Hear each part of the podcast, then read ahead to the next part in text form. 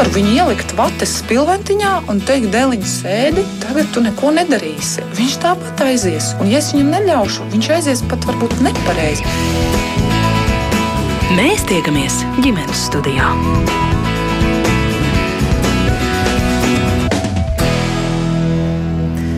Labdien! Es priecājos sveicināt jūs visus ģimenes studijas šīs dienas radījuma klausītājus. Mans vārds ir Agnese Linka, šī radījuma producente Ilza Zvaigzda. No šī gada sākuma valsts pirmo reizi beidzot apmaksā vakcināciju pret vēzi izraisošo cilvēku papilomas vīrusu arī 12 gadus veciem zēniem. Līdz šim vakcīna bija pieejama tikai meitenēm 12 līdz 17 laikam gadu vecumam. Un arī no ērča encefalīta mums ir iespēja sevi un savus bērnus pasargāt vakcinējoties, taču pērn, kā ziņo bērnu ārsti, četri bērni ar ērča encefalītu bijusi spiesti ilgstoši ārstēties bērnu slimnīcā, no tiem viens pat intensīvajā terapijā.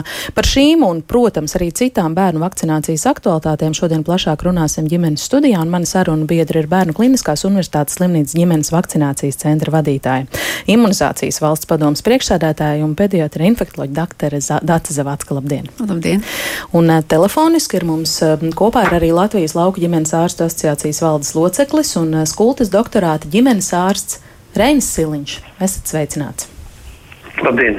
Es piebildīšu, ka šodien, kā ierasts klausītājiem, mēs gaidām arī jūsu jautājumus. Ja jums, eh, klausoties šo sarunu, tāda rodas, droši rakstiet mums, sūtiet ziņas no Latvijas radio mājas lapas. Eh, es eh, sākšu ar jautājumu doktorai Zavackai. Tātad šobrīd beidzot ir panākts tas, par ko mēs pirms gada un šķiet pirms diviem, un iespējams arī pirms trim šai studijā runājām, ka arī zēniem valsts apmaksā vakcināciju pret cilvēku papilomas vīrusu. Atgādniet, lūdzu, kāpēc tā ir svarīga ziņa, kā šī vakcīna darbojas un no kā pasargā. Mm -hmm. Tātad cilvēku papillomas vīruss mūžs sens, sens, sens, sens un bijis iespējams pat pirms cilvēkiem. Un pagājušajā gadsimtā tika pierādīta šī vīrusu infekcijas, ilgstošas infekcijas saistība ar a, daudz audzēju attīstību. Ja? Tātad šis nav pirmais vīruss, kas izraisa audzējs, bet viens no viņiem. Un katrs 20. audzējs pasaulē abiem dzimumiem ir cilvēku papilomas vīrusu infekcijas izraisīts. Pats vīruss nešķiro inficēt meitenes vai puikas, sievietes vai vīriešus.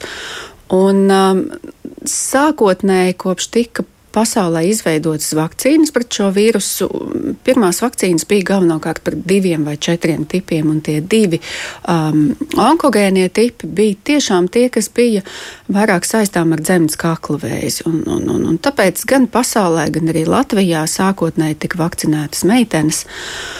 Bet nu, jau tiešām nopietnu laika sprīdi atpakaļ ir deviņu tipu vakcīnu, un tātad septiņi no tiem ir tie, kas ir onkogēnie un, un nav nekāda pamata vairs šo vakcīnu nodrošināt tikai vienam dzimumam, ja, jo inficējās abi dzimumi, inficējās diezgan līdzīgi un arī audzēji tiek tiek diagnosticēti arī diezgan līdzīgi. Tāpēc gan speciālisti Latvijā, gan imunizācijas padomi jau tiešām ilgus gadus ir klauvējusi pie, pie ierēģņu ausīm un acīm un vispārējā un, un teikusi, nu, ka nav, nav godīgi. Jā, mēs diskriminējam vienu dzimumu, un tiešām, ja mēs domājam arī tīri medicīniski par dzīves kvalitāti, par visiem tiem cilvēkiem, kas tālāk dzīvē pieaugs, un, un, un, un nu, tiešām piekdaļa audzēji mēs varam šādi samazināt. Tas ir liels, liels skaitlis. Mm. Kāda ir statistika par vakcinēto meiteņu skaitu šobrīd Latvijā ar šo mm, vakcīnu? Um, statistika vienmēr var būt labāka, ja mēs runājam par profilaksi, bet kopumā viņa nav nemaz tik slikta. Um, kad vakcinācijas kalendārā tiek ieviesta kāda nu, papildus vakcīna, uh, nu, nav jau vienmēr tā atsaucība tik laba. Un arī mums šī vakcīna ir no 2010. gada, un ilgus gadus mēs stagnējām, un meitenēm bija zem 50% aptvere. Bet tad, kad um, speciālisti kopā ar slimību profilaks kontrolas centru veic šo trīs gadu skaidrojošo kampaņu, jo ir jāskaidro, kāpēc, kas tas tāds ir, kāpēc tas ir svarīgi gan mediķiem, gan sabiedrībai, tad tiešām tie rezultāti bija.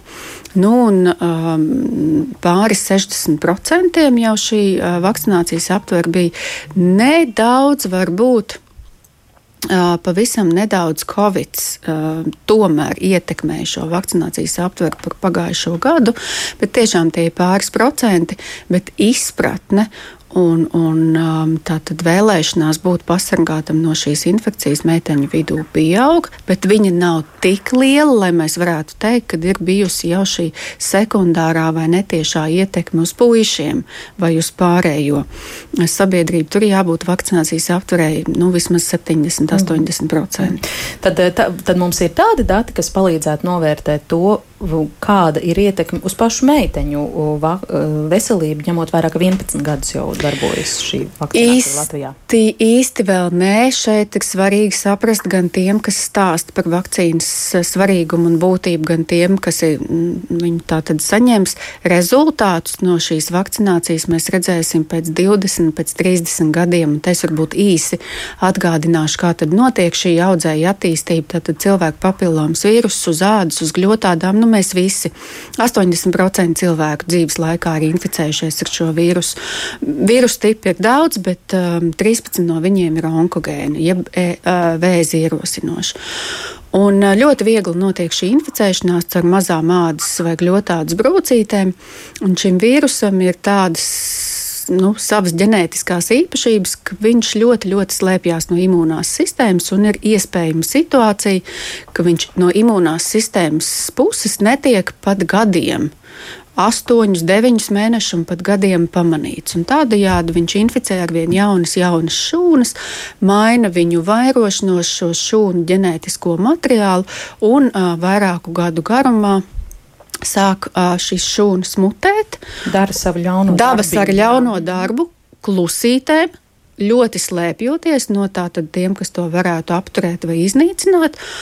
Un uh, katram audzējam jau uh, ir tomēr kaut kāds savs laiks, kas, kas paiet pirms mēs to pamanām. Uh, Un tad ir šīs priekšvēža izmaiņas, un no CPV audzējiem vienīgais skrīnings priekšvēža izmaiņām līdz šim pasaulē ir tikai sievietēm dzemdas kakla vēzim. Visiem pārējiem audzējiem mēs konstatējam, ka ir audzējs, tad, kad parādās kaut kādi klīniskie simptomi, un tie parasti jau ir daudzi gadi. Tāpēc, tad, kad šīm uh, meitenēm un puišiem būs 20, 30, 40 gadi, tad mēs redzēsim to savu vietējo mm. Latvijas ietekmi. Mm. Bet nu, ir valstis, kur ir tie, tie pirmie dati, tās valstis, kas no 2006. gada kalendārā jau um, daudz plašāk. Un bija pārliecinoši? Jā, Tieši tā, uz priekšvēju izmaiņām tur ir simt, tuvu 100% efektivitātei, un, un, un arī kaut kādi tie audzēji, kas var ātrāk attīstīties. Ja, um, tur, tur arī ir tiešām katru, katru gadu šie procenti pieaug, mm. kas loģiski. Ja. Doktoram Siliņam arī gribu dot uh, vārdu un gribu jums vaicāt, kā jūsu pacienti raugās uz šo CPV vakcīnu, meiteņu vecāki, varbūt arī jau puišu vecāki, kā jums sokas darbs uh, ar viņiem? Nu, jāpiekrīt ir Akreizē Latskai, ka mums diezgan līdzīga situācija sākotnēji bija, kad bija tā kā vairāk tas skaidrojušais darbs un bija diezgan lē, lēns šis process, bija grūti pierunāt gan vecākus, gan, gan arī pašas meitenes uz šo vakcināciju. Bet nu jau liekas, ka tas diezgan nostabilizējies, es precīzi pa procentiem pa savu praksi nepateikšu, bet man gribās teikt, ka nu, vienu no 20 man neizdodas, tā teikt, pierunāt vai pārliecināt par šīs vakcīnas efektivitāti un nozīmību. Tā kā šķiet, ka tie procenti arī varētu būt tīri labi. Uh, nu, par puišiem. Nu, sākotnēji jau prasa jau arī puišiem šo vakcīnu jau kaut kādus pāris gadus, jo arī vecāki ir izglītoti un dzird šo informāciju arī uh, no ārzemēm, no citiem avotiem, ne tikai no ārstiem Latvijā, un kad interesējas par šo vakcīnu jau iepriekš, bet, kā teikt, pieejami viņi ir tikai šogad valsts programmā 12 gadus veciem puišiem. Un eh, nu, mēs pie tā strādājam, jo tajā brīdī atkal ir skaidrojušies darbs tiem dažiem, kas interesējās, nu, ja viņi trāpa šajā vecuma grupā, mēs piedāvājam šo vakcīnu. Protams, kā arī e, tas Covid mūs nedaudz arī piebremzēja, jo janvārs, februārs vēl bija ļoti aktīva šī te revakcinācija, bet eh, šobrīd mēs tam aktīvi, kā teikt, pieslēdzamies uz visus savus jauniešus mēģinam apzvanīt un piedāvāt šo jauno vakcināciju. Mhm. Kāds jūsu redzējums? Nu, ja doktori te minēja, ka trīs gadus ir ļoti aktīvs, intensīvs skaidrojošais darbs bijis iepriekšējā posmā tieši meiteņu vecākiem, pašām meitenēm vai puišiem un viņu vecākiem, tagad tas viss ir tā kā jāskaidro vēlreiz. Tie, kas nav svaidīti ar informāciju no ārzemēm, piemēram un paši ļoti nu, apzinīgi? Nu, būs, būs jāskaidro viennozīmīgi, būs atkal viss, kā teikt, jāstāsta no jauna. Un ļoti nozīmīgi, protams, ir slimību profilaks kontrola centra veiktās, tā teikt, informatīvās kampaņas un arī šis te informācija došana ģimenes ārstiem, kas ir tiešām kontaktā ar saviem pacientiem, kas ir primāri uh, Uh, saskarē un spēj skaidrot šos jautājumus. Tā kā būs, būs šī, šī atkal atkārtošana no jauna, bet es domāju, tas nesīs labus augļus un šie uh, vēža, vēža daudzums samazināsies, kā arī doktori minēja, par 20% samazināt izplatību. Tas ir ļoti augsts rādītājs. Vai ir arī kādi mīti, ar kuriem jūs sastopaties no pacientu puses par šo vakcīnu? Nu, laikam, ka biežākais tas mīts, kuru, kuru nākas skaidrot vai, vai mēģināt uh, apgāst, ir, kad vecāki baidās, ka šī vakcīna ietekmēs, teikt, viņu, viņu bērnu spēju tikt pie saviem bērniem, ka būs traucēta kaut kāda grūtniecības uh, iestāšanās vai, vai, vai vispār nebūs iespējama. Tas ir tas lielākais mīts, no kā baidās. Citu laikam vecāki praktiski nemin. Ja vairāk tas ir tādas cilvēcīgās bailes, kā ir vakcīna, kad ir kaut kas jauns jāiepotē, bet uh, tāda specifiski vairāk šo jūtam uz šo te papilomas vīrusu vakcīnu par šo auglības jautājumu. Bet izskaidrojot visus par un pret un jaunākos datus, kas mums ir pieejami par, par šo te, ka tas neietekmē auglību un, un, un, un kad ir tikai iegūmi no šīs vakcīnas, tad arī vecāki kā teikt, kļūst mierīgāk un piekrīt šai vakcinācijai.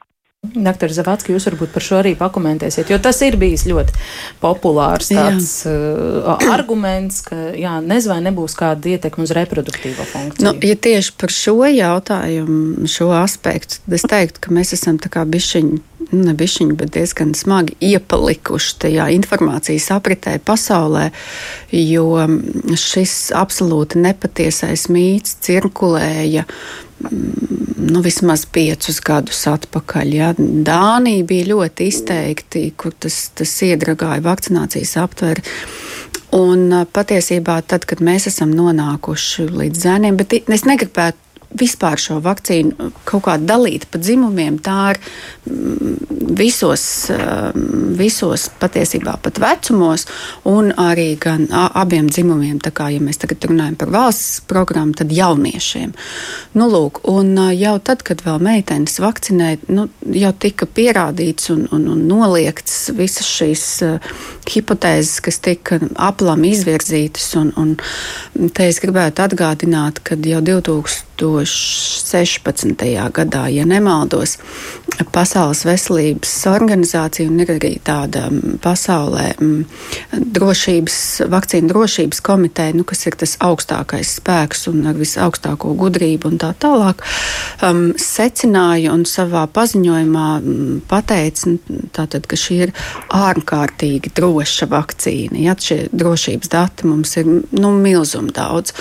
Un eh, te es gribētu teikt, ka šādos paziņojumos katram vārdam ir nozīme. Parasti mēs dzirdam, jā, vakcīnas ir drošas un efektīvas.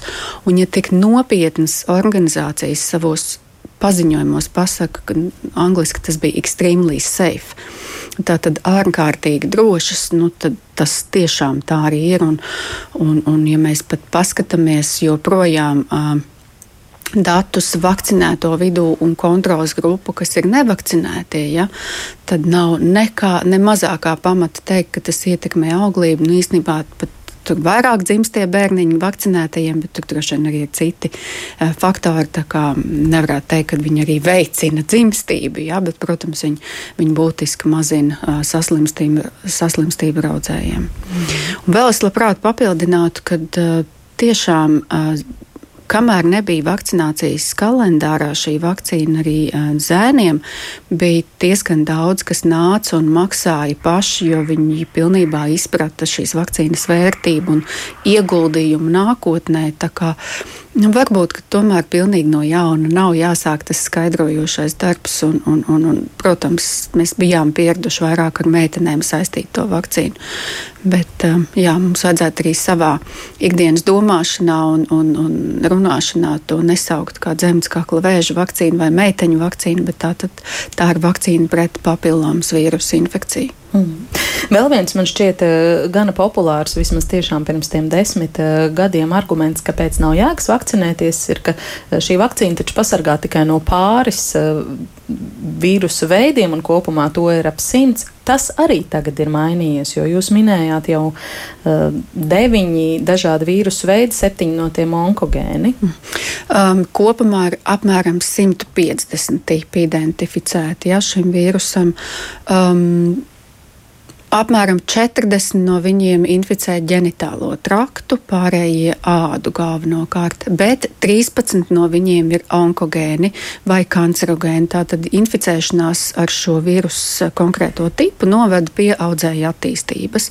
Vakcīnā ir septiņi no šiem tipiem, un tiešām tie biežākie, kas izraisa gan uh, šo lokalizāciju sievietēm, gan vīriešiem, jo to mēs vienmēr zinām, tā, ka mēs identificējam audzēju audzēju, mēs varam pateikt, kurš tas tips ir bijis.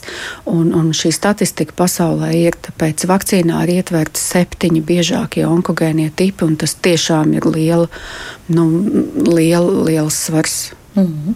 Tātad meitenēm šobrīd Latvijā tā bezmaksas pieejama no 12 līdz 17 gadu vecumam? Nu, 17 gadi, 11 mēneši, 30 dienas. Jā. Kāda mūsu klausītāja vaicā, vai vakcīna ir pieejama arī pieaugušām sievietēm, varbūt par maksu?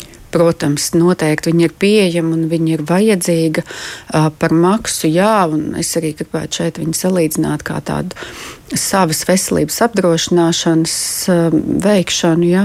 Un, um, trīs devas iespējams, ka uh, tuvākā nākotnē mēs varēsim arī uz divām devām pieaugušo vecumā pāriet.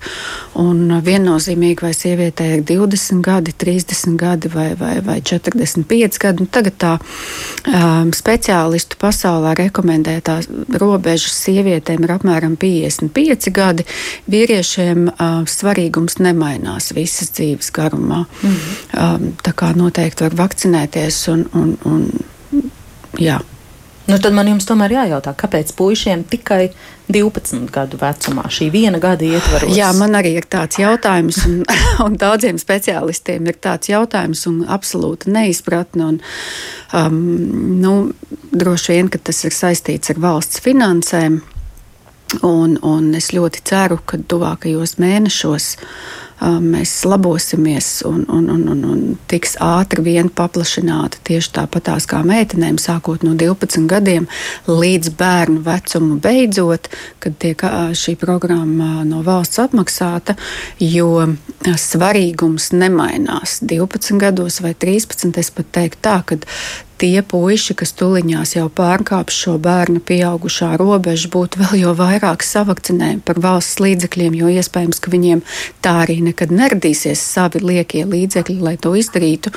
Un cik daudz tās būtu veselības ģimenes, cilvēki ar, ar garu dzīves mūžu, ko mēs varētu šādi pasargāt. Un, un, un tam par pamatu es gribētu teikt, ka ieviešot kādu vakcīnu vakcinācijas kalendārā, kā jau es minēju, arī ar meitenēm mēs nesasniedzam 100% aptvert. Tāpēc tas, kas būtu iespējams ar tām nu, paredzētajām vakcīnām, cik mums ir 12 gadīgu zēnu šobrīd Latvijā, kam mēs varētu uzsākt šo vakcināciju. Nu, mēs pat pusi pirmajā gadā neaptversim, un, un, un tas būtu loģiski paaugstināt, mm. arī nu, dot iespēju. Ja, tik dzīvē nozīmīgai profilaksei arī um, lielākiem bērniem. Mm. Veselības ministrijas uh, laukuma pusē bumba tā teikt. Veselības ministrija, Nacionālais veselības dienests. Mm. Uh, Doktor Siliņ, kā jūsu pacientu lokā raugās uz to, ka tikai 12-gadīgos zēnus šobrīd par valsts uh, naudu var savakcinēt pret cilvēku papilomas vīrusu? Nu, tieši tāda, tāda paša neizpratne par to, kad, uh, kāpēc tiek liekta šiem 13 un 14 gadus veciem zēniem šī te vakcinācija un arī, protams, arī lielākiem, bet nu tieši konkrēti, ko es saskāros arī skaidroju šo darbu, ka man nav atbildes. kāpēc šī vakcīna nav pieejama un uh, ar, ar, ar domu, ka iespējams varbūt tuvākajā laikā, protams, ja tie būs mēneši, tas tikai būs ieguvums, bet, uh, ja tas būs arī tuvākais laiks, kā parasti mūsu sistēmā notiek, ka tas būs varbūt tuvākā gada laikā, tad arī tas būs ieguvums, gan lai tas process virzās, jo mēs varam noķert gadus ar katru atļautu gadu, ko mums NVD un Veselības ministrija atļaut vakcinēt šo te paplašināt šo pers personu loku, mēs varam noķert arī pat vesels piecus un vairāk gadus. Uz priekšu paskriet šeit rezultātu sasniegšanai. Tā kā tas darbs mums norit tik lēnu, ja, tik, tik, tik tas tā pierunāšana un sazvanīšana un atrašana, ka, ja mēs to varam darīt kompleksi lielākam pacientu lokam, tad uh, viņš būs arī daudz efektīvāks nekā pa vienam lēnā garā un gaidīt atkal nākamo gadu. Tā kā vairāk vecākos arī tieši tādu pašu neizpratni, kā, kā mums profesionāļiem, kāpēc ir tikai 12 gadus veciem zēniem un ne vecākiem. Šeit ir arī klausītājs Ilvas jautājums. Varbūt uzdošu to uh, eh, doktor Siliņu jums, kā ģimenes ārstam. Viņa rakstīja, vakcinācija uzsākta 17 gadu vecumā.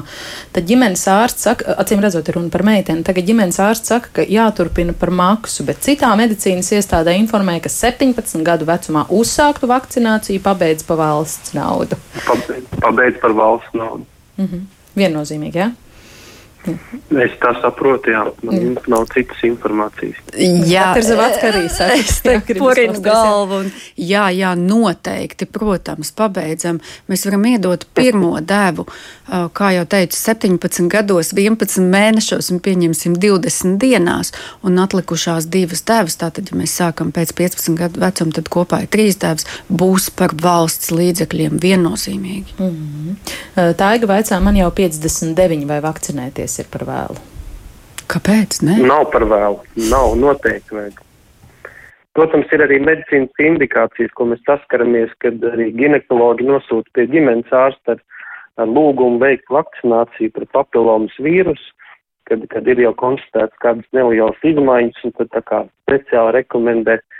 Bet citādi, arī kā dr. Zavatska teica, ka noteikti mēs iesakam vakcinēties arī 59 gados un neredz tam nekādu šķēršļus, izņemot šo finansiālo pusi, ka tā būs maksas vakcīna. Par šo mums arī Toms eh, vaicā, kāda ir aptuvenā vakcīnas cena, ja to iegādājas par saviem līdzekļiem. Droši vien, ka konkrētus uh, skaitļus nesauksim, lai mūs nenosoda par reklamēšanu, preču reklāmu, bet uh, cik ir aptuvenā cena? Tātad pašas vakcīnas cena lieltirgotavā ir pār pa 100 eiro, tā ir viena deva. Un tad, protams, nāk vēl pakalpojumu maksa, kas atšķirās no, no, no centra. Un, un, jā, tā ir privātā tirgus cena. Protams, ka valsts iepērk šīs vakcīnas pavisam pa citu cenu. Mm -hmm. Bet, eh, ja es eh, pirkšu pati sev, tad man ir jārēķinās vismaz Vi... 300 eiro un vairāk. Vairāk, jā. jā. Vai Guntis jautā, vai vakcīnas vai imūnterapija nodrošina pret vīrusu klīnisko sterilitāti, aptur vīrusu tālāk nodošanu vai tikai mazina saslimšanas simptomus? Vai šis ir jautājums, ko var attiecināt cilvēku papilomas vīrusu? Vakcīnu? Jā, jā, var attiecināt, un es saprotu, ko, ko klausītājs ar to domājis. Tā tad pārāk. es varu iedomāties, es dažādas jautājumas vakcinācijas centrā saņemu. Un tā tad jau esošu infekciju mēs arī varam nedaudz ietekmēt, ja, un, un piebremzēt pie, mm, piebrem, nu, pat ne piebremzēt. Nu, tad, kad mēs sākam cilvēku vakcinēt, notiek aktīva imūna atbilde, tēšūnas, antivielas, ja, un, un ja esošu infekciju, tomēr šīs papildus antivielas, gan arī tēšūnas, kas iznīcina inficēto šūnu, var ietekmēt, bet šī vakcīna nav tomēr nu, galvenokārt ārstnieciska, viņa ir profilaktiska. Un veicot cilvēku vakcināciju, mēs gatavojamies tam, ka nākotnē viņš kaut kur inficēsies, un tad šīs antivielas un arī šūnu imunitāte ir gatava, kad pieķersies, ielīdīs brūcītē un inficēs šūnu šis vīrus, un tad momentā būs gatavas antivielas un, un, un, un šūnu imunitāte, kas tam uzbruks. Tāpēc arī šie vakcīnas efektivitātes pētījumi tiem, kas nav bijuši inficēti, ir uh, tuvu 100%. Uh, bet, kas ir vēl jāuzsver, tātad tie, kas ir bijuši inficēti, viņi droši var vakcinēties, vai viņi jau ir inficēti, viņi var droši vakcinēties, jo pirmām kārtām tipi ir dažādi. Un vakcīna aizsargā, kā jau es te, teicu, pret tātad septiņiem šiem tipiem, plus nu, tādu, kādreiz mēs arī bišķiņ spekulējam par šo krustanisko aizsardzību. Uh, un otrs var notikt atkal inficēšanās ar to pašu. Un prognozēt, vai šajā inficēšanās reizē man imūnā sistēma tiks ar to galā, jo ir arī tāds scenārijs, protams, iespējams. Nu, tā ir tāda zīlēšana kafijas biezumos, bet ja mēs esam vakcinēti, tad arī pret atkārtot infekciju mēs esam pasargāti. Mm -hmm. Varbūt īsi, jo jūs pieminējāt trīs vakcīnas devas, kāda ir tā vakcinācijas schēma? Mm -hmm. Tā tad uh, uz šo brīdi joprojām apstiprinātā, par kuru mums ir pietiekami pasaulē zinātnisko datu, lai teiktu, ka te mēs garantējam to efektivitāti, tad uzsākot līdz 15 gadu vecumam vakcināciju divas devas, intervāls starp abām devām 6 līdz 12 mēneši. Pēc 15 gadu vecuma trīs devas, pirmā deva, tad apmēram pēc mēneša līdz diviem otrā deva, un tad 6, 12 mēnešu trešā deva. Bet tāpat laikā saku, ka ar vien vairāk nāk zinātniskie dati dati un pierādījumi no dažādām valstīm, ka arī divas tēvas vēlākā vecumā varētu būt pietiekoši. Patiesībā tagad martā pēdējā Pasaules veselības organizācijas imunizācijas padomas sēdē tika izskatīts ļoti nopietni ar pierādījumiem no dažādām pasaules valstīm vienas tēvas schēma, vai tas būtu pietiekami efektīvi dzīves garumā un, un tā tālāk. Jo, protams, kad um, ar, ja mēs varam samazināt devas cilvēka, vienam cilvēkam un atdot kādam citam, tad tas jau ir ieguvums visiem. Mm -hmm.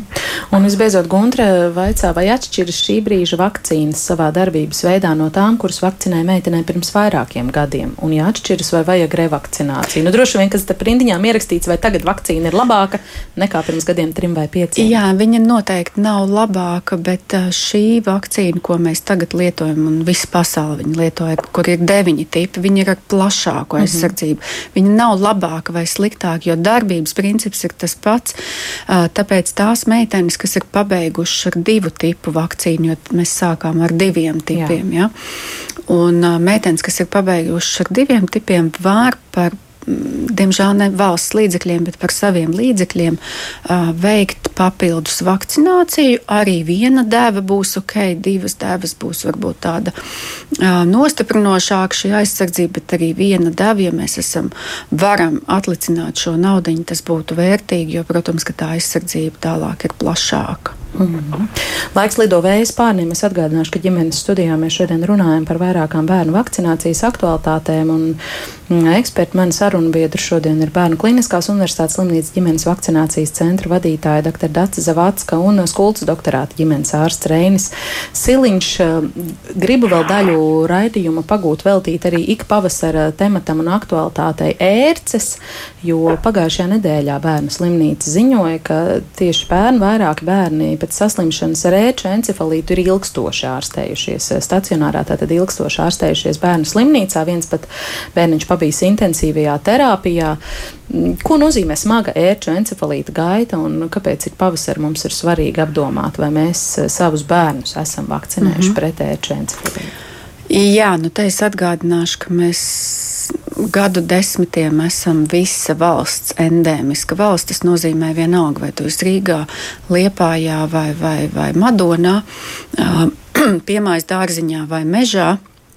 Inficēties ar ērču encefalītu ir ļoti liela iespējamība. Uh, Un um, daudzus gadus gan pasaulē, gan, gan arī Latvijā mēs uzskatījām, ka bērniem ērča encefalīta gaita ir vieglāka, vairāk tā saucamās, nu, tikai ar temperatūras pacēlumu, varbūt bišķiņa galva pasāp, nu, tāds tā kā meningīts tikai, ja, nu, kas nav, protams, tikai.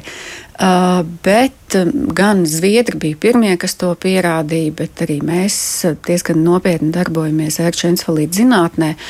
Un droši varam apgalvot, ka inficēšanās arī bērnu vecumā, un vienalga vai tie ir 2 gadi vai 17 gadi, var noritēt arī ar smagām formām, tātad par vieglām formām pēdiņās mēs uzskatām, tad, ja ir drudzis un meningīts, vidēji smaga ir encefalīts, un um, smaga forma ir tātad jau meningoencefalomielīts. Ja, tātad ar ļoti, ļoti daudziem neiroloģiskiem bojājumiem, kas visbiežāk ir arī paliekoši. Tās sekas uh, var būt dažādas pēc pēdiņās vieglās formas, tā, tā var būt atmiņas traucējumi, biežas galvas sāpes, varbūt tā arī līdz galam neattīstīts kognitīvais un, un domāšanas un uh, potenciāls. Tur arī zviedriem ir ļoti labi zinātniskie rezultāti, nu, šo pierādot. Ja?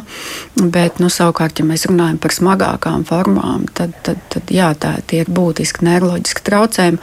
Un, nu, es arī pat esmu jau, jau teicāt, bērnu slimnīcā, bērnu infektologs un ikdienā strādāju infekciju nodaļā. Un ar kolēģiem mums pagājušais gads radīja tādas tiešām satraucošas bažas, kāpēc mums ir pieaug uh, nopietnu un, un vispār gadījumu skaits bērniem.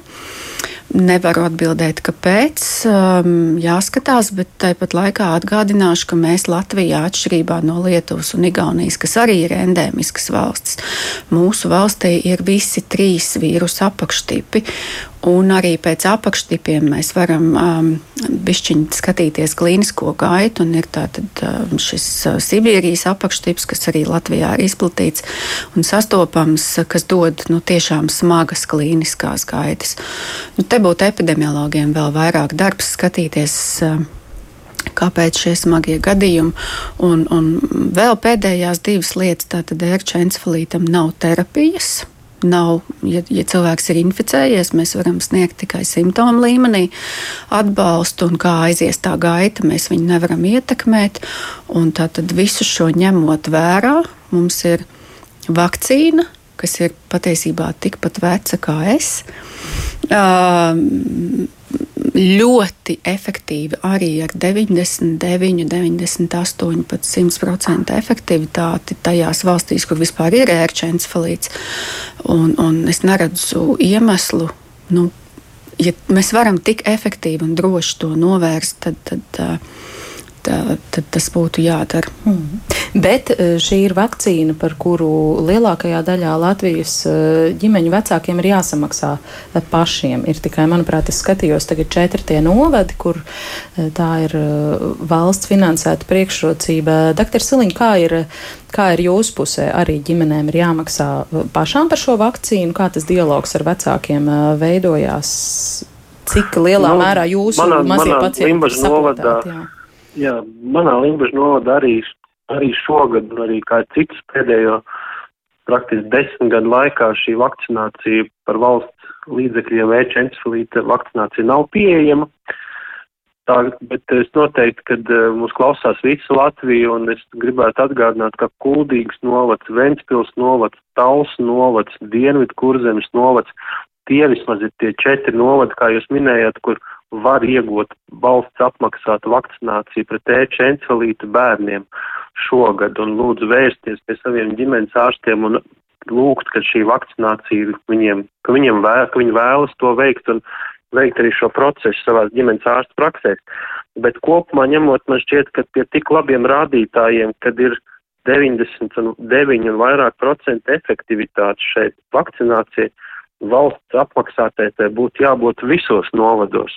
Ja, un ja mums tie dati pieaug ar saslimšanām un šo ēču uh, vairošanās ar vien ir lielāka, to skaits ir lielāks, saslimstības gadījumi aug, tad varbūt, ka nav jāgaida, lai tie procenti visos novados būtu augsti ar saslimušiem bērniem, bet jāveic šī vakcinācija jau kopumā. Bet, nu, tas ir imunizācijas padoms un veselības inspekcijas, nacionālais veselības dienas jautājums par finansēm un iespēju to realizēt, bet noteikti efekts būtu. Bet jūs pacientu atsaucīja? Vakcinējas pa, pa maksu, par maksu, diemžēl. Izņemot mazos bērnus līdz divu gadu vecumam, kur ir iespējama vakcinācija ar tā saucamo M sarakstu ar 50% atlaidi. Un tie, uz kuriem tas eh, neatiecās, ja vecāki nav bijuši gan aktīvi noreaģēt šajā līdz divu gadu vecumā, tad vecāki arī sapotē visus bērnus par maksu jūsu praksē visus. Nu, noteikti visus nē, visus noteikti nē. Tā cena nav maza un, un, un arī Uh, ne katrs to var atļauties. Tie ir uh, vairāk kā 30 eiro par, par, par vakcīnu, un ja ir jāuzsāk no jauna vai kaut vai jārevakcinē, tad šobrīd liela daļa lauku iedzīvotāji nevar atļauties to, gan viņi to nu, pastāvīgi ir dabā, pļavā, un šī saskara ar šīm ēcēm ir diezgan bieži. Tā kā, tā kā šis finansiālais jautājums, īpaši jau šobrīd, kad šī mūsu dārdzība aug, un algas īpaši nē, tad, tad vecākiem lauku rajonos ir grūti atļauties šīs, teiksim, tā dārgās vakcīnas. Doktor Zavacki, jūs gribējāt papildināt? Jā, es gribēju mm, papildināt to, ko doktors jau minēja par šiem 50%, um, ko ģimenes vakcinācijas centrā es bieži vien pamanu, kad vecāki vispār pat nav zinājuši un dzirdējuši par šādu iespēju. Es aicinātu vispirms ģimenes ārstus informēt par šādu iespēju, jo tas ir līdz divu gadu vecumam, un vakcīnu mēs sākam dot mm. no gada vecuma. Mm -hmm. Un pirmā gada laikā mums ir nepieciešams trīs devas, tātad jau 50% būtu no valsts apmaksāti. Tātad aicinu ģimenes ārstus to piedāvāt, neaizmirst par to, un savukārt no, no vecāku puses atgādināt un aktīvi lūgt šo iespēju izmantot. Pirmās trīs devas jau mēs varam iedot, iedot ar 50% atlaidi. Bāreņi un aizgādībā esošie saņem arī par valsts līdzekļiem šo vakcīnu, un es pilnīgi piekrītu, ka tā būtu viennozīmīga vakcinācijas kalendāra cienīga vakcīna, bet imunizācijas padomu to saka un saka, bet imunizācijas padomu diemžēl nevar pateikt, ka finansējums tam nāk no tā. tā kā, Kopā mēs to varētu mēģināt atkal aktualizēt ar, ar speciālistiem, sabiedrību un arī imunizācijas padomu. Mm. Cik aktīvas ir ērces eh, šobrīd, un vai šobrīd vēl var potēties? Nu, mēs esam gan aprīļa beigās, gan drīz mājā. Es ļoti spilgti atceros, ka manos pusauģu gados, tad, kad es pirmo reizi dzirdēju, ka jāiet potēties pret ērču encefalītu, tad tur bija tā kā noteikts, ka noteikti uh, ne, nelīdz siltē, siltajā laikā to darīt nedrīkst. Tad, kad ērces ir modušās, tad viss vakcinēties vairs nedrīkst. Jā, un atkal pilnīgas muļķības. Tātad, kāpēc mēs to vienmēr tā uzsveram? Lai sagatavotos sezonai, lai tad, kad ērts jau ir piesūkusies, mums nav pārsteigums, ko tad tagad darīt, atkal tas pats, ja, kad ārstēšanas nav. Tāpēc sagatavoties laicīgi ar tām kamanām uh, vasarā un, un ratiem ziemā. Bet, ja tas nav izdarīts, mēs varam vakcinēties jebkurā tātad, gada laikā. Tikai jārēķinās ar to, ka saņemot vienu vakcīnas devu, aizsardzība vēl nav pilnīga. Bet, ja mēs būsim vakcinējušies un mums piesūksies ērts un viņi būs inficēti, noteikti nenoritēs sliktāk šī infekcija. Nenoritēs. Tas nekaitēs. Aha. Jā. Un arī pavisam nesen es vienos elektroniskajos ziņu portālos lasīju tādu dīvainu lietu un nevarēju saprast, kāpēc vispār tādas rekomendācijas, ja ir piesūkusies ērce tad nedrīkst mēnesi sportot, um, sauļoties, jādzer C vitamīns un vēl kaut kādas tādas aplamas lietas. Tātad, um, ja ir piesūkusies ērce, nu neko darīt, ērču encefalītu mēs vairs ietekmēt nevaram laimslimības gadījumā vērojamies, bet turpinam savu dzīvi un C vitamīnam nebūs ietekme uz to, vai attīstīsies slimība vai nē. Mm -hmm.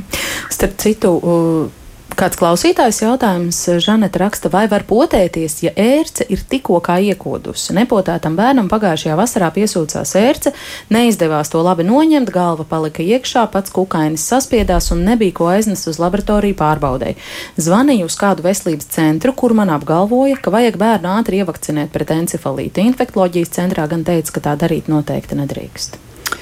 Tā darīt drīkst, bet tā nebūs panacēja, lai atrisinātu šo situāciju, jo tāda laba, laba aizsardzība mums rodās aptuveni divas nedēļas pēc otrās devas. Taisnība uzreiz vakcinējoties, uzsākot šo imunās sistēmas procesu ar antivielām, šūnu imunitāti, mēs varētu teorētiski ietekmēt un mazināt, bet um, neviens nekādas garantijas nedod. Tāpēc teikt, ka nedrīkst, nevaru piekrist, bet arī, ka tā vajadzētu darīt, lai kaut ko darītu šīs konkrētās situācijas labā, nu, tas nav pamatoti. Bet, ja mēs aizējām un savakcinējamies, tad nākamā ērts, kas piesūksies uz to, gan mēs jau būsim sagatavojušies. Mm -hmm. Doktor Siliņš, piebildīsiet, ko varbūt? Nu, es varu teikt, ka vakcināciju var veikt visu cauru gadu.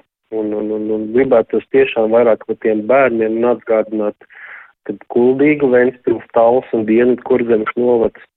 Griezieties pie saviem ģimenes ārstiem, sakiet, ka jums pienāk šī vakcinācija un jums viņa pienāks par velti. Tā kā bērniem lūdzu droši to izdarīt, jo to, ko nu, jau dod, vajag izmantot un pēc tam jau domāt, vai vajadzēja vai nevajadzēja uztraukties par to ēst, bet izdarīt preventīvi jau darbiņu un būt pasargātiem no šīs te pietiekoši bīstamās infekcijas. Ginta vaicā, vai pret ērču encefalītu var potēties māmiņa, kas baro ar krūti? Jā, pilnīgi noteikti. Nekāda vaina. Ir kāds brīdis, kad tas nav ieteicams. Es nezinu, grūtniecības pirmais trimestris vai tā. Nē, nē, ērču encefalīta vakcīna ir nedzīva vakcīna, kā jau teicu, ir, nu, tā tad stipri pār 40 gadu uh, pieredzi un, un informāciju. Arī grūtnieces ir bijušas diezgan daudz kopumā pa pasauli tagad vakcinētas, un, un nedzīvām vakcīnām kā tādām nav ietekmes uz augļu attīstību vai reproduktīvo sistēmu vai kā savādāk. Mm. Covid laikā daudz no mums uh, atvēzējās un no sirds iedziļinājās uh, tematā par to, kura ražotāja kāds produkts, respektīvi kāda vakcīnai, kurai ir plusi vai mīnus vakcīnas. Vai attiecībā uz ērču potēm arī ir vērts pievērst uzmanību ar kādu vakcīnu? Potēties? Tur ir kāds atšķirības? Nu, tāds ļoti minimāls un vairāk zinātniskā līmenī. Mums vispār ir tikai divas Eiropā pieejamas, ja reģistrēts austru, austriešu un, un, un, un vācu. Tā, ko es tev visu laiku saku, kas ir ļoti vecs, tā ir austriešu vakcīna. Ja? Un, un viņa arī ir viena no pieredzēs vispagātākajām valstīs, valstīm uz ērkšķa encefalītu. Atšķirība ir bišķiņa tikai tajā celmā, kas ir iekšā. Viens ir pret dabīgo vīrusu, viens ir pret laboratorijā izveidoto vīrusu, bet vakcīnu efektivitāte un drošība abām ir ļoti, ļoti tuva. Mm -hmm. Un visbeidzot, eh, runājot vispārīgāk par eh, vakcināciju un to, ka aprīļa pēdējā nedēļa ir pasaules imunizācijas nedēļa, vēl viena svarīga lieta, kas mums ir eh, jāpiemina, Šobrīd Latvijā uzturas liels skaits Ukraiņas valsts piedarīgo, un zināms, ka Ukrainā vakcinācijas aptvere nu, tīri vēsturiski ir bijusi zemāka mm, kā Latvijā, taču šobrīd Ukraiņu bērni var bez maksas saņemt visas Latvijā, Latvijas bērniem pieejamās vakcīnas. Mm, es nezinu, vai jūsu ģimenes vakcinācijas centrā bērnu slimnīcā jau ir bijuši precedenti, ka ierodas iebraucēji no Ukrainas un, un, un ir ar mieru saņemt šo pakalpojumu, vai ir kādas infekcijas, pret kurām viņiem būtu vissvarīgāk sapotēties, un kādas vispār iespējas viņus par to informēt? Kā jūs mhm. redzat situāciju šai jautājumā? Jā, te es gribētu teikt, ka burtiski no pirmās nedēļas vai nedēļām mēs arī uh, proaktīvi, kā bērnu slimnīca, izveidojām šos in informatīvos bukletiņus, lapiņus gan ukraiņu valodā, gan angļu valodā, aicinot viņus pie sevis vakcinēties, jo taisnība tātad vakcinācijas kalendāri ir atšķirīgi. Ukraiņu bērni ir pret mazāk infekcijām vakcinēti. Ļoti liela problēma gadiem viņiem ir bijusi un pēdējo desmit gadi jo īpaši um, tātad viņi ir nepilnīgi vakcinēti. Uh, un tātad viņu iespēja slimot ar, ar um, infekcijām ir daudz uh, lielāka nekā Latvijas bērniem. Līdz ar to, protams, ir iespējams, ka šīs infekcijas nonāk Latvijā tādā ceļā. Un es laikam gribētu divas tā, tā, nu, ar tādu augstu nopietnību pievērst uzmanību. Viens ir poliomielīts un, un, un otrs ir masalas. Un, atcerēsimies, ka pēdējais Eiropā poliomielīts bija apmēram gadu atpakaļ un tieši Ukrainā. Un tā ir nu, mūsu paudze jau vairs neatcerās to infekciju, bet nu, pasarg Dievs no šīs infekcijas. Un, um, Un tā tad arī masāls mēs pa pēdējo piecu gadu esam iepazinuši. Jā, mums Latvijā masalām ir laba vakcinācijas aptvere. Un arī, ko skatoties, kas Ukrainā patreiz kara apstākļos, viņiem izplatās tās ir veibakas. Uh, kas arī nav nevienmēr tik vienkārša infekcija. Nu, no 2008. gada mēs Latvijā mums ir kalendārā, un lielākā daļa mazo bērnu ir vakcinēta. Tā vismaz būtu jābūt, bet mums ir arī vēl kaut kāda daļa neimūnu cilvēku. Tādēļ mēs viņus aicinām, viņiem pienākās viss, kas pienākās Latvijas cilvēkam.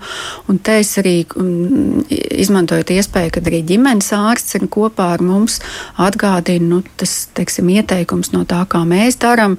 Mm, ģimenes vakcinācijas centrā pie mums, protams, veda bērnus, bet tāpat laikā mēs uzdodam noteikti vecākiem vai vecvecākiem, mamma, vecmāmiņa, kādreiz arī tētis līdzi, kad jūs esat savas pēdējās balsta vakcīnas saņēmuši. Un tad ir diezgan liels izbrīns par to, kad ir kur nu 10 gadi, 20 gadi atpakaļ. Mēs noteikti arī negribam, lai mums atgriežas difterija un, un, un stinguma krampis šādos apstākļos, īpaši arī um, Ukraiņiem, ja, kad iet karš, tā ir bīstama infekcija. Tā kā atveram visi savas potēšanas pases, paskatāmies, kas mums ir, atjaunināts, ko vajag atjaunināt, un to izdarām. Tādējādi pasargāsim gan mēs paši sevi, gan tos, mēs patreiz par kuriem mēs rūpējamies. Un, un arī tas pats ērčencefalīts, nu, savukārt mēs viņiem esam bīstami ar savu valsti šiem ukraiņiem. Ja viņiem arī bišķiņi ir, bet ne tik daudz kā mums ērčencefalīts. Tā kā arī par šo vakcīnu ir jārunā ar Ukraiņas cilvēkiem. Mm -hmm. Atveram savas potēšanas pases tie, kuri zina, kur tās atrodas. Ir jau daži tādi nevīžīgie, kuriem problēmas ar tiem dokumentiem. Vai es esmu um, galīgi utopiski iedomājoties, ka kādreiz es varētu atvērt e-veselību vai Latviju LV un ieraudzīt tur visus savus uh, potes un datumus, kad jātaisa revakcinācija. Ai, tas ir tāds brīnišķīgs. Tam, tam drīz ir jābūt. Praktiski individuāli pašas pie tā jau diezgan cītīgi strādā. Mēs visas šīs vakcinācijas ievedam arī elektroniskā, tā teikt, vidē. Vienīgais viņš šobrīd vēl nesaslēdzās pilnvērtīgi ar to šo e-veselību. Līdz ar to, nu, tam, tas ir Mēs jau ceram uz to sen, bet cerams, ka tie ir tuvākie gadi, kad tas būs pieejams arī pašiem pacientiem redzēt savu vakcinācijas kalendāru, veikt tās vakcinācijas, paredzamās potes, saņemt ziņojumus, telefonu, e-pastu, kad jānāk uz nākamo vakcināciju. Tas tāda skaistā nākotne, ko mēs visi gaidām, un tas atvieglot gan pacientiem dzīvi, mazināt šo saslimstību, un arī, protams, kad ārstiem būtu vieglāk, ka pacients jau ierodas jau laicīgi šo vakcināciju. Doktor, visnotaļ jums šajā ziņā piekrīt. Vēl par, par, par ukrāņu iebraucējiem, varbūt jums vaicāšu Limbažu pusē, jums tāda ir, vai arī jums jau praksē ir sanākusi saskarsme? Pacienti, jā, no Ukrainas ir, un, un saskarsme viņiem ir bijusi. Kā doktors Zavats teica, pats laikam esmu grākojis, neesmu jautājis šiem pieaugušajiem par, par viņu vakcināciju, kā, jo risinājām pilnīgi citas problēmas, un laikam vakcināciju atstājam tajā brīdī novārtā, par to noteikti aizdomāsimies ne tikai es. Un, eh, bet citādi vairāk, vairāk ar bērniem nesam sadarbojušies par vakcināciju. Viņi nav jautājuši, varbūt, ka tas ir tikai pagaidām, ja, ka viņi mēģina šos lielos centrus apmeklēt, vai Rīgā šī koncentrācija ir lielāka ar šiem uh, Ukrainas iedzīvotājiem. Tā kā Limbas pusē, vismaz manā praksē, par vakcinācijas jautājumiem neesam ar Ukraiņiem runājuši. Vēl viens klausītāja jautājums, varbūt pavisam īsi par ērču encefalītu. Kā vērtējat iespēju laboratorijās nodot ērces eh, pārbaudēju uz eh, dažādām infekcijām? Tas ir tikai tāds intereses eh, jautājums, jo īsti tas mūsu rīcību tālāk nemaina. Ja mēs runājam par ērču encefalītu, tad, nu, tātad, ja viņi ir inficēti šī ērce, mēs neko tur ietekmēt nevaram. Uh, Uh, ja nu vienīgi sliktāk gulēt, turpmākās divas, četras nedēļas. Nu, nu, varbūt var mēsties, ievakcinēties. Mm, nu, jā, bet kā jau es teicu, tas tā nav panacēja. Ja, tas var arī nepalīdzēt. Un, savukārt, runājot par laimes um, slimību, tad, tad um, tā ir bakteriāla infekcija. Ja ērce ir uh, inficēta, mēs neuzsākam terapiju profilaktiski ar, antibi ar antibiotikām. Tikai tad, ja ir simptomi, tad mēs cilvēku ārstējam tieši tāpatās, kā lūdzu, nevajag iet nodot antivielas arī šeit. Arī šeit? Arī šeit.